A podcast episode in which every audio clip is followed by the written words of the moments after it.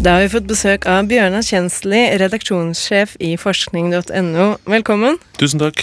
Vi har fått en SMS fra en lytter som lurer på hva tinnitus egentlig er, og om det kan kureres. Og det skal du prøve å gi et svar på.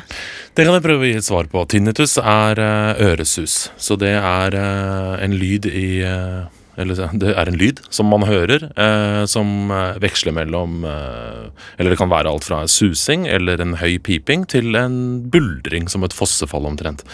Og det er veldig vanlig. Det er eh, så mange som eh, hver femte nordmann omtrent som plages av, av øresus, og det kan være ganske hemmende, og det kan gå veldig utover livskvaliteten.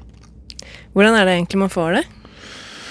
Det kan man få ved hørselsskader. Eh, man kan få det ved å være på konsert og ikke ha på ørepropper f.eks. Eller andre ekstremt høye lyder i sånne korte Altså skarptromma på rockekonsert f.eks. Eller, eller andre sånne høye smell kan man få da.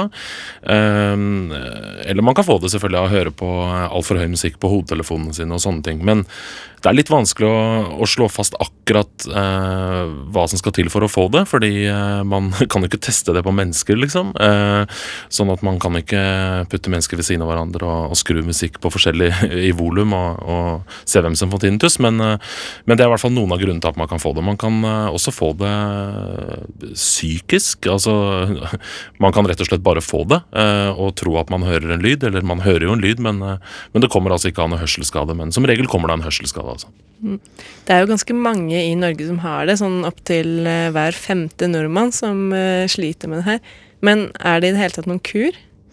Noen kur eh, fins ikke, eh, men det fins måter å takle det på. Det fins måter å begrense det på. En måte er eh, en, en, fysisk måte, liksom, eh, hvor man kjører en slags eh, motlyd. Man finner ut lyden på øresusen din, og så har man et slags eh, omvendt høreapparat eller en, en hodetelefon med en slags motlyd som man kan høre på for å prøve å nulle ut effekten av La oss prøve å nulle ut den lyden man hører inni huet sitt. Den andre måten er, er psykisk, altså at man lærer seg å takle det. Sånn som f.eks. Uh, lære seg å takle smerte og sånn er også et stort psykisk felt, og, og, det går an å gjøre det samme med øresus. Altså, uh, noen kan få livet sitt helt ødelagt av å gå rundt og høre på en sånn pipelyd, mens andre så uh, syns ikke det gjør noe særlig, og det går ikke noe særlig utover livskvaliteten. Så det, det, er veldig stor forskjell på hvordan folk opplever det, men, uh, men det kan være veldig alvorlig. altså. Hvordan kan egentlig en psykisk kur kurere øresus? Kurerer det ikke, men eh, det lærer deg å takle det. da, ikke sant? Det blir det samme som eh, smerter i forbindelse med kreft og sånn. altså Du kan ikke få det til å gå bort. Da må du uh, proppes full av så mye morfin at du dør, liksom. Men du kan lære deg å leve med det da, og lære deg å takle livet for det.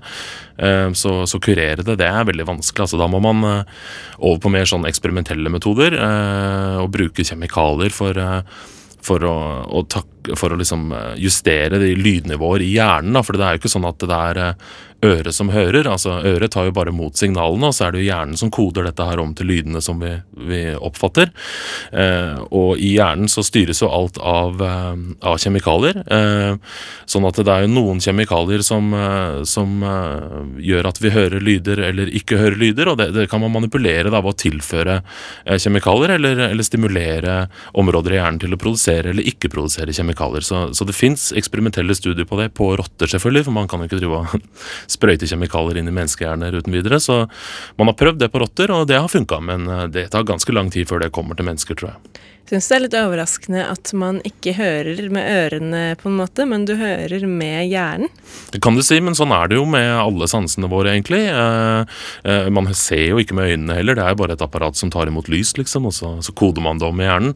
Eh, så sånn er det med alle sansene våre, og, og øret er jo veldig komplekst. Eh, altså det den hørselsskaden man får i det ytre, eller altså i, i det indre øret, da, men allikevel i selve øret, den, den, påvirker hvordan hjernen oppfatter lyder. så det er sånn det henger sammen. Og hvis man får en hørselsskade som ødelegger eh, muligheten til å høre f.eks. veldig høye toner, eh, som man kan få av, av et sånt enormt høyt skarptrommesmell hvis du står ved siden av en, en svær høyttaler under soundcheck på rockekonsert, liksom, så, så kan det da eh, ødelegge det, den, litt av den egenskapen til å høre sånne lyder i øret. Det hjernen gjør da, er å gjøre sånn som en, eh, en mikk som ikke får tatt imot noe lyd. Altså Den kan skru opp inputen, liksom, sånn at, det, at den hører etter sånne lyder, fordi den, den, hører jo ikke noen sånne lyder.